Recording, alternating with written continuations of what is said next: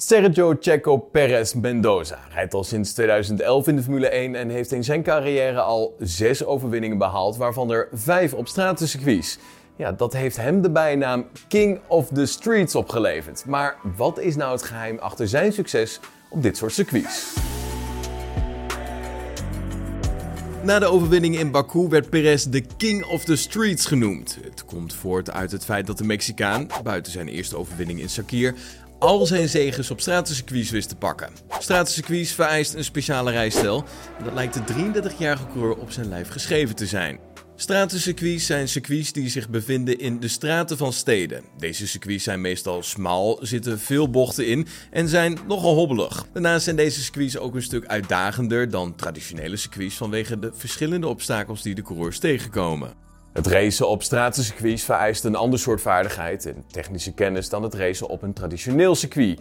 Coureurs moeten hun reflexen maximaliseren om snel te reageren op de omstandigheden en de nauwe bochten. Perez excelleert op dit vlak en is meester in het beheersen van de rembalans, waardoor hij de bochten nauwkeuriger kan aansnijden en de optimale snelheid kan behouden.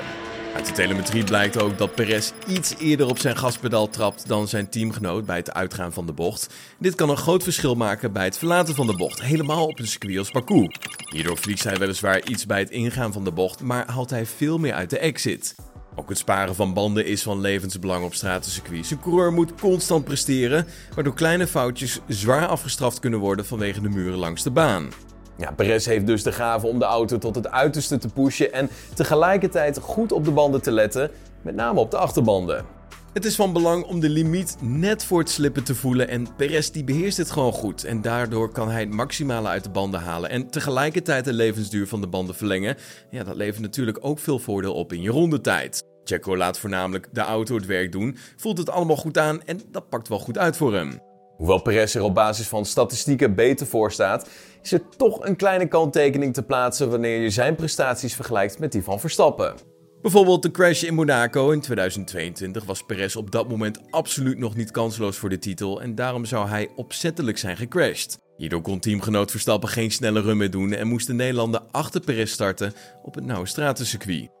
Verstappen had in Jeddah de pole position kunnen veroveren als hij geen last had gehad van mechanische problemen. En ook tijdens de race in Singapore leek het er goed uit te zien voor Max, totdat hij zijn ronde moest afbreken vanwege een gebrek aan brandstof in zijn wagen.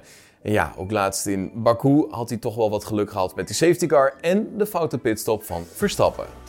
Ondanks alles is Christian Horner, de teambaas van Red Bull Racing, dik tevreden over de prestaties van Perez in Baku. Maar geeft nu toch wel aan dat de volgende stap moet worden gezet. Hij moet het gewoon op een normaal circuit doen. Hij blinkt uit op stratencircuits, want al zijn overwinningen, zeker voor die bij ons, waren op stratencircuits. Het is de tweede keer dat hij hier wint. Hij won op Singapore, hij won in Monaco, won in Jeddah, dus hij moet het gewoon op de juiste circuits doen. Was hem dan de GP Event Special op Spotify. Vond je dit een leuke aflevering? Volg dan even dit kanaal. Want op die manier ben je altijd op de hoogte van het allerlaatste Formule 1 nieuws.